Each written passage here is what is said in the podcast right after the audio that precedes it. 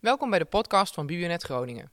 Dit keer een verhaal geschreven, bedacht en voorgedragen door Dieneke van den Berg.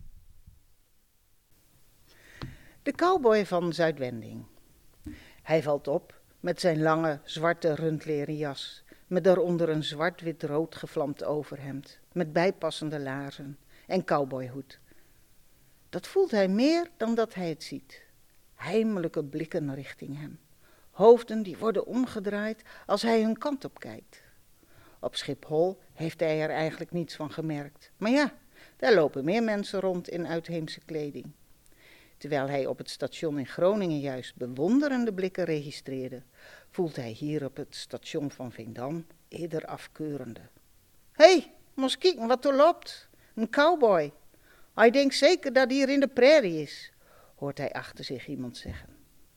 Toen hij thuis in Davis Mountains in Texas bedacht om naar Veendam te gaan om zijn oude ome Geert op te zoeken, verbaasde hij zich erover dat hij met de trein van Groningen naar Veendam kon.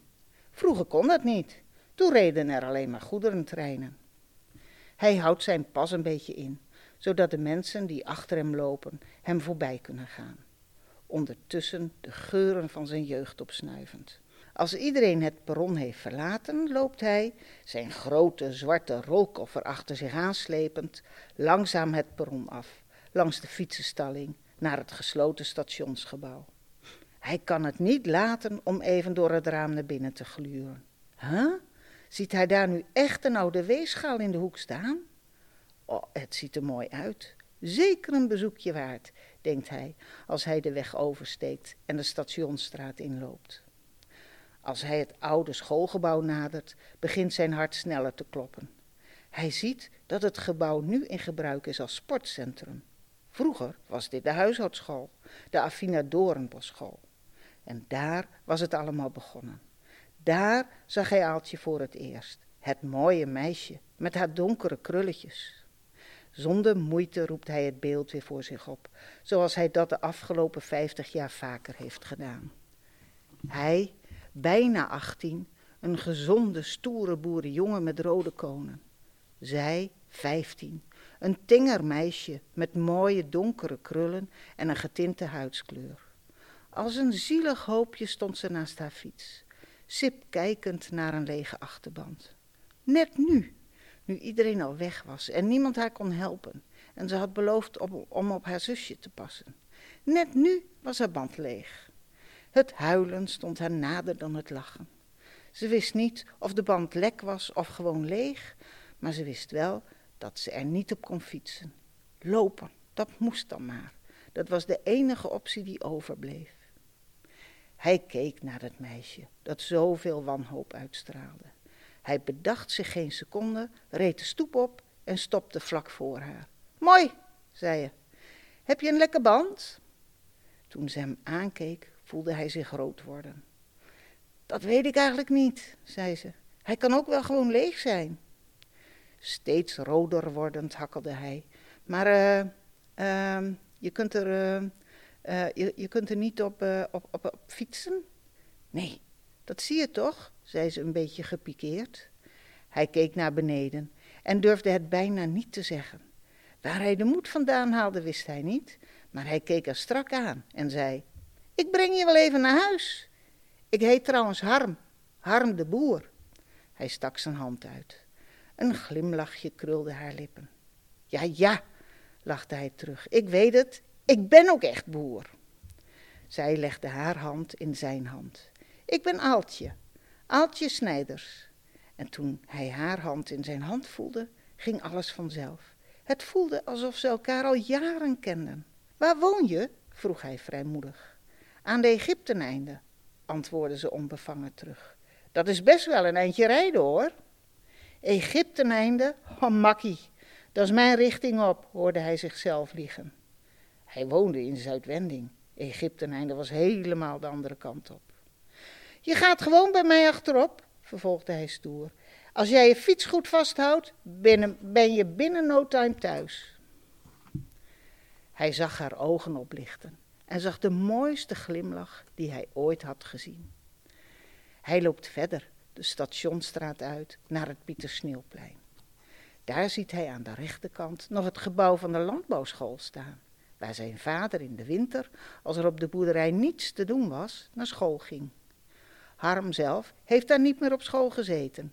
Als eerste zoon van een herenboer uit Zuidwending moest en zou hij naar de HBS, terwijl hij altijd had geweten dat zijn hart bij het boeren lag. Hij wilde met runderen bezig. Waar hij toen, toen hij Aaltje voor het eerst thuis bracht, rechtsaf ging, gaat hij nu linksaf het beneden Oosterdiep op, richting Hotel Veenlust. Ach, juwelierszeer Bakker is er nog. Hij kijkt door de etalageruit naar binnen en vindt het nog steeds een mooie winkel. Hij glimlacht stilletjes. Hij ziet zichzelf weer, samen met Aaltje, gespiegeld in het glas van de etalageruit, kijkend naar de verlovingsringen. Ja, dat waren ze toch echt van plan. Eerst verloven en dan trouwen. Ook al snapten ze destijds best wel dat ze daar nog te jong voor waren. Ze hebben toen op de maandagmarkt bij zo'n stalletje twee goedkope ringetjes gekocht, vriendschapsringetjes, en die hebben ze plechtig bij elkaar om de vinger gedaan.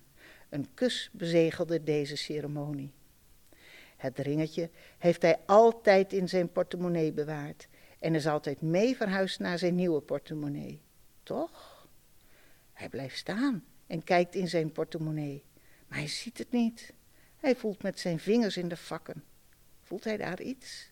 En met veel moeite haalt hij het eruit. Er verschijnt een grote glimlach op zijn gezicht. Ja, het is het ringetje. En het past nog om zijn pink ook. Hij grinnikt en laat het om zijn pink zitten, als herinnering aan een heerlijke, onbezorgde, gelukkige tijd.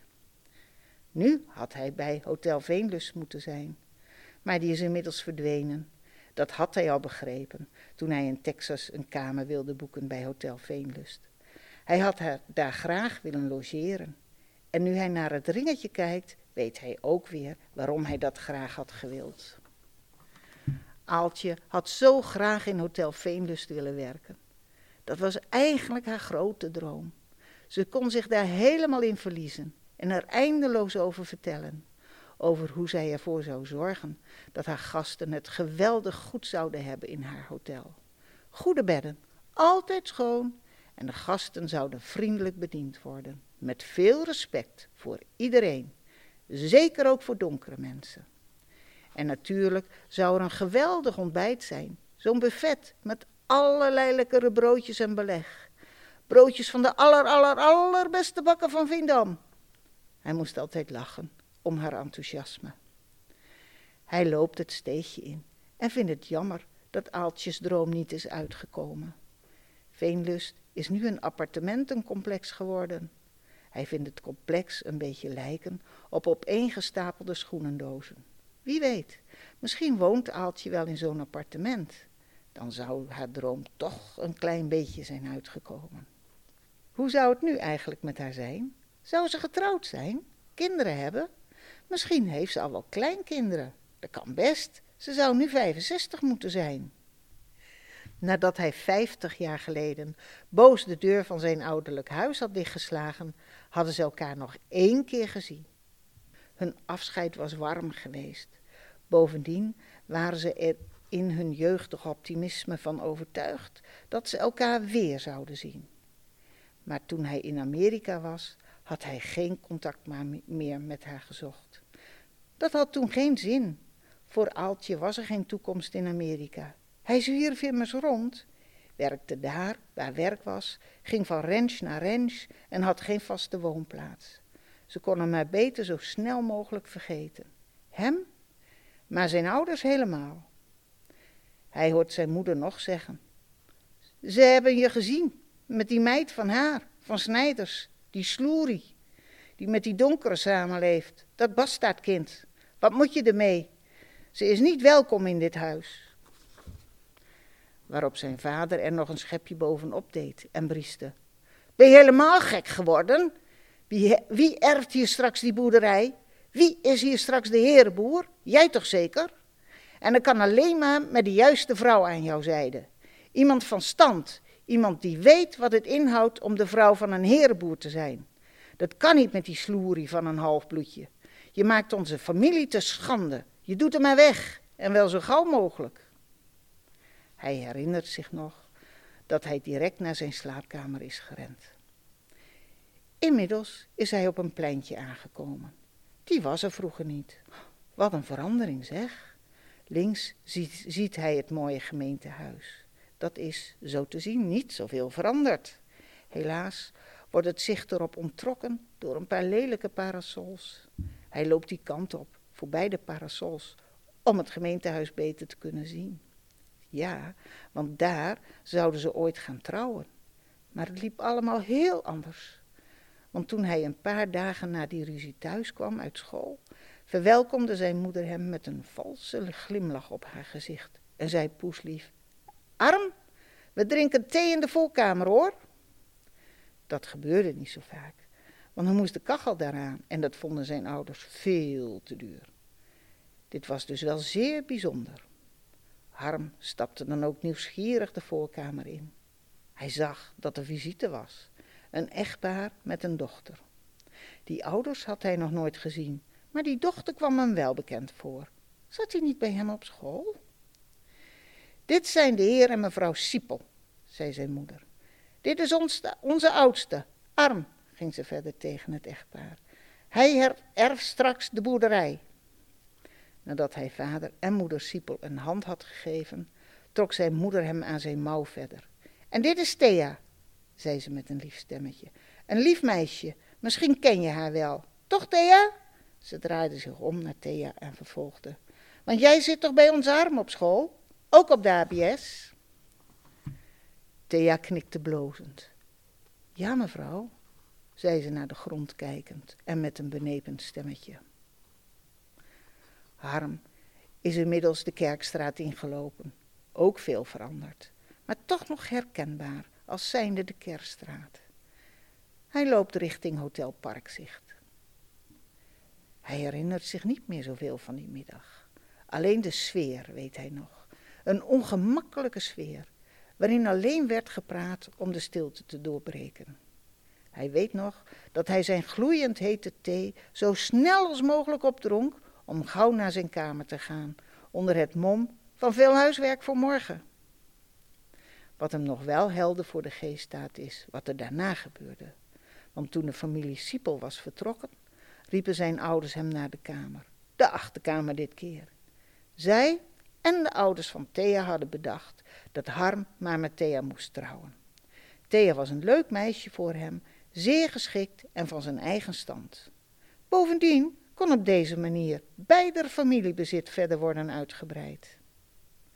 Hij had natuurlijk gezegd dat hij daar helemaal geen zin in had. Misschien was Thea wel een leuk meisje, maar hij had al een meisje. Een meisje waar hij van hield en dat hij niet op zou geven. Aaltje. Ja, haar ouders waren dan misschien niet getrouwd, maar hielden wel van elkaar. Ja, haar vader was dan misschien donker getint, maar dat kwam omdat hij op Curaçao was geboren. Ja, misschien hadden ze het niet zo breed, maar het was wel altijd warm en gezellig. Beter dan hier. Zo gezellig was het hier niet.